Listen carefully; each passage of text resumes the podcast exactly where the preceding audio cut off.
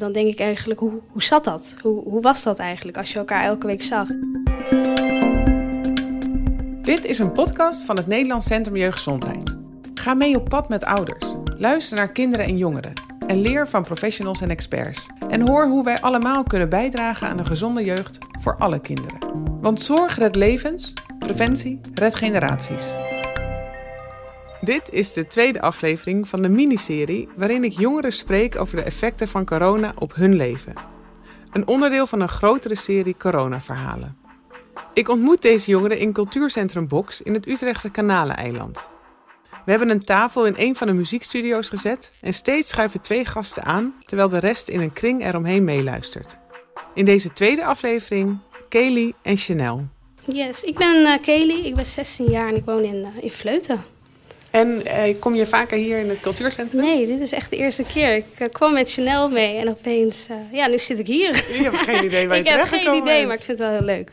Als jij uh, kan terugkijken op de afgelopen periode, heeft het veel voor jou veranderd? Veel invloed gehad op jouw leven? Ja, als ik zo terugkijk, denk ik toch wel, ja. Als ik, ja, het is vooral familiegericht. Dat ik dan toch weer denk aan. Ik zie ze eigenlijk amper. En dat is dan toch wel een, ja, een, een, punt wat je dan wel weer mist. En dan denk ik eigenlijk, hoe, hoe zat dat? Hoe, hoe was dat eigenlijk als je elkaar elke week zag? En nu, ja, één keer in de maand, dan... Uh, want wie zijn dat? Wie van je familie? Ja, vooral mijn opa en oma. Want dat, ja, natuurlijk. En maar mijn tantes ook. Die wonen, die wonen wat verder. En dan denk ik, oh ja. Dan bellen we natuurlijk wel. Maar dat is zo anders. En dat merk je nu, uh, dat merk je nu meer eigenlijk. Ja. ja. En als je er woorden aan zou moeten geven, wat, wat mis je dan eigenlijk het meeste? De liefde, denk ik. Als je dan toch zo samen bent tijdens een, uh, ja, gewoon een familieuitje ja, dat mis je toch wel heel erg. Dat je dan uh, allemaal nichtjes en neefjes uh, ziet rennen. En ja, nee, dat mis je echt, ja.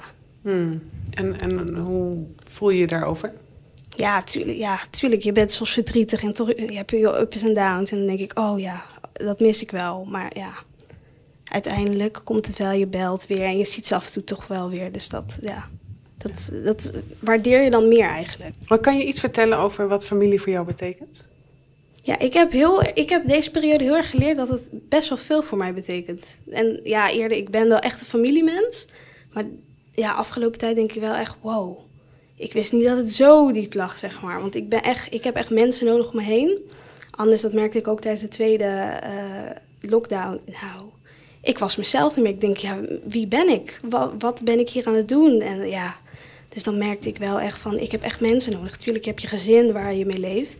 Maar dat is zo anders. Dat, ja, dat kan je eigenlijk niet omschrijven. Dat je dan, dat je dan, je, je vindt jezelf zo erg terug. En dat, ja, dat heb ik wel echt heel erg geleerd van mezelf. Mm. Ja. Ik ga heel even naar de overkant. Ja, mijn naam is uh, Chanel en ik ben 18 jaar oud. Waar heeft het voor jou het meeste invloed op gehad? Uh, nou ja, zoals Kelly net zei, ja, ook familie je heel weinig kan zien. Um, ja, ik denk voor mij, um, ja, sociaal zijn, dat, is, dat was echt wel. Uh, ik ben een heel sociaal type, maar ik merk wel dat uh, door corona dat ik best wel uh, antisociaal ben geworden. En ja, dan kom je echt wel in de knoop met dingen zoals cheerleaden, wat ik doe, en lesgeven. Ja, je werk en dat soort dingen. En dan dat is echt heel veel prikkels tegelijkertijd. Um, dus ja, ik, ik wist ook niet meer zo goed hoe ik daarmee om moest gaan. En gewoon hoe ik ook met mezelf om moest gaan. Omdat ik ook zelf verander, ja, aan het veranderen was. En dan, uh, ja, je moet ook weer nieuw wennen aan jezelf. Hoe, en hoe gewoon bedoel, wennen aan de situatie.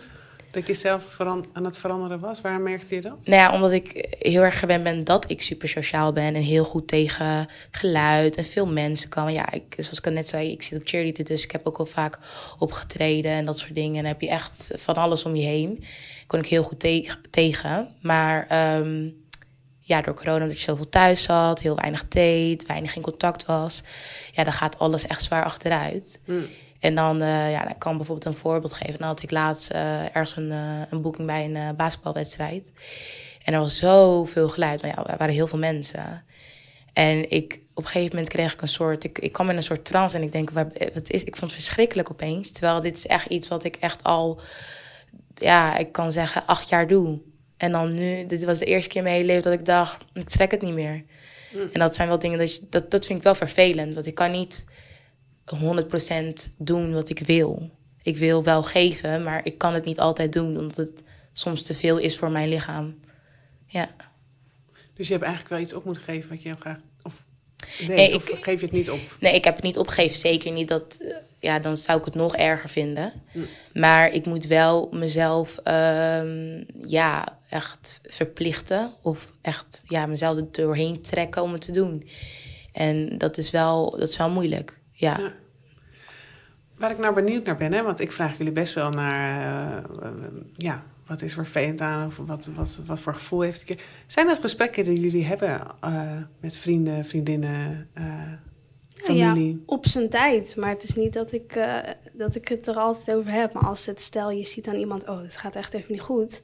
Dan vind ik het wel belangrijk om het even bespreekbaar te maken, inderdaad. En, en gaat dat makkelijk of is er een drempel? Nee, er is altijd wel een drempel. En dan eindigen we allemaal met huilen. Ja. Ja, herkenbaar. ja. Ja.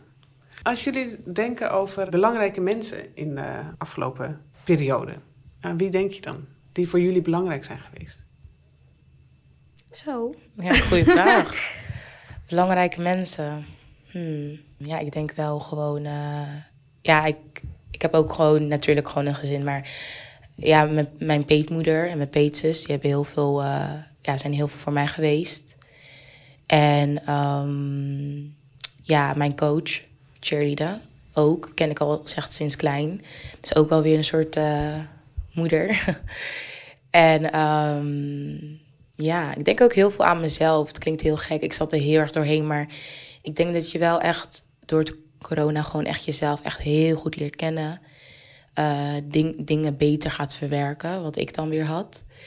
En ehm, ja, je wordt een ander mens, maar er zitten ook nog wel positieve dingen aan. Want je, je gaat echt zien wat je, ook, wat je ook in huis hebt. Want je hebt nu, laten we het, zeggen, we het zo zeggen, op sommige gebieden heb je dan op een gegeven moment gewoon niks meer door corona. En dat is gewoon een kwestie van hoe ga ik mezelf weer oppakken. En aan de ene kant is dat ook weer mooi om te zien dat, dat je dat toch wel kan. Ja. Ja, ik denk, ik, ben, ik heb even nagedacht, maar ik denk eh, mijn tante, ja, sowieso mijn gezin, maar dat is toch, je zit de hele tijd op elkaars lip, dus op een gegeven moment denk je ook weer, oké, even, even rustig. Maar mijn tante, ja, die bel ik dan als, eh, als ze even thuis is, of ze even, even mijn nichtjes zijn even op school. Nou, hoe gaat het nou? Hoe gaat het nou echt met je? En gaat het wel goed thuis? Dus dat, dus dat, ja, dat helpt je wel, want daardoor kan je wel even je hart luchten en gewoon echt even zeggen hoe je je echt voelt. En dat, ja, dat helpt zo erg. Ja. Ja. Heb je ook het idee dat je zelf een belangrijke rol voor anderen hebt kunnen spelen? Zo. Ik heb er geen idee. Ik, heb, ik heb, ben er ook niet mee bezig geweest. Ik ben meestal wel een persoon die daarmee bezig is. Maar ja, ik zat, er, ik zat er zelf echt zwaar doorheen. Dus ik moest mezelf eruit trekken. Ja, en daarna, ja. Ik denk vast wel, want je, ik heb heus wel contacten gewoon met vriendinnen. En ehm, dan probeer je er gewoon zoveel mogelijk voor elkaar te zijn. Maar ik denk wel dat iedereen wel meer bezig was met zichzelf. Wat ook begrijpelijk is. Ja. Nee, precies dat. Ja, ik... Chanel kent me. Ik probeer altijd zo positief mogelijk te zijn. Dus ik hoop dat, ze, dat ik ze daarmee help. Maar ja, dat is, altijd, dat is altijd de vraag of dat echt helpt, zeg maar. Ja. Maar positiviteit, dat hebben we nodig, toch, deze periode? Ja, zeker. Dus ja, dat. Eh, we gaan ook alweer heel snel, jongens. Het is ook alweer tien minuten. Ehm, ik zit nog aan twee dingen te denken. Want je, je zegt twee keer van ik zag, zat er echt doorheen. Is dat iets waar je iets over wil vertellen? Eh, nou ja, ik denk dat het wel, ja, vind ik geen probleem. Ehm, nou, ja, ik zat gewoon eh, ja, in een soort depressie eigenlijk wel. Want ik was gewoon niet meer mezelf. Eh, ja, heel. Het, geen, ja, met corona, dan neemt alles gewoon. Nou, alles in je hoofd neemt echt over. Want je bent heel veel alleen en op jezelf. En dan beginnen er gewoon bepaalde gedachten naar voren te komen. Eh, en bij mij was het zo dat ik dan in een soort depressie kwam. Eh, dat is heel moeilijk, want je probeert er tegen te vechten, maar je hebt er niet zo heel veel controle over. En op het moment dat je dan een soort van opgeeft, om het zo te zeggen, dan wordt het gewoon, ehm, jouw leven. Dus wat ik daarmee bedoel, is wat, ja, dus met er doorheen zitten, is dat het gewoon echt mijn activiteit werd. Dus ik ging ook zoveel slapen om het eigenlijk te ontwijken. En daarom kan ik ook niet zeggen als ik er dan voor iemand was. Want ja, ik weet het zelf niet eens meer. Ik heb het, dat hele gedeelte is voor mij ja, een soort van gewist of zo. Ik was gewoon ja, slapen, wakker worden, slapen, wakker worden, slapen, wakker worden. Of ik was aan het huilen, of ik was weer... Ja, het, het ging maar door. Het was elke keer hetzelfde. Dus op een gegeven moment... Ja, ik weet ook niet echt meer wat allemaal in de tussentijd is gebeurd. Ja. En, en hoe is het nu met je dan? Ja, nu gaat het wel gewoon goed. Want ja, dingen gaan... Nou, gaan. We sluiten nu weer. Maar de dingen gingen open. En ehm, uiteindelijk, ik denk dat bij een depressie is er wel een einde. Um, alleen moet je voor jezelf gaan kijken hoe je dat invult. Um, maar ja, voor mij was het gewoon meer van... Je weet hoeveel... Ja, gewoon eigenlijk in jezelf vertrouwen. Je weet hoeveel je kan. Je weet hoeveel je, hoeveel je in je hebt. En je weet dat het ook niet het eind van de wereld is. Het ligt aan jou. En um, als jij het niet doet, doet niemand het voor je. Je moet het zelf doen, want het is jouw lichaam en jouw leven. Niemand anders kan jou oppikken en zeggen van... hé, hey, dat kan niet. Je moet het zelf doen. Als je het niet wilt, dan gaat het ook niet lukken. Dat makkelijker gezegd dan gedaan hoor. Want dat duurde bijna ander, ja, anderhalf jaar. Maar op een gegeven moment was ik er wel klaar mee. Want als je ziet hoeveel ik deed in een week... en hoeveel ik toen eigenlijk niks meer deed. Dat was echt, het verschil was te groot. En toen dacht ik echt van nee, ik uh, ja, actie ondernemen. Ja. En meer praten. Dat veel meer praten, communiceren. Dat werkt denk ik ook, want je zit anders echt in je eentje met je eigen problemen. Ja. Ja, dankjewel voor het delen. Ja. Um, ik wil jullie eigenlijk ook dezelfde vraag uh, stellen. Um, stel dat hier iemand uh, naar luistert die er ook doorheen zit. Uh, wat zou je iemand mee willen geven? Nou, ik denk, blijf zo positief mogelijk. Want ik denk dat dat, dat helpt echt wel. En daarbij geloof ik ook wel echt dat alles gebeurt met een reden. Klinkt heel stom nu, maar uiteindelijk denk ik dat we er allemaal sterker uitkomen. Daar ben ik echt van overtuigd. Dus ja, ik denk als we er zo in, uh, in staan, dat het uiteindelijk wel goed komt. Toch? Dankjewel. Ja, ik sluit me daar zeker bij aan. En ik, uh, ik geloof er ook echt in dat uh, elke deur die je sluit is weer een opening naar een andere. Zeker, ja. Dus um, in plaats van het negatief omzetten, wat heel moeilijk is, zoek vooral het positieve in het negatieve. Dat vooral.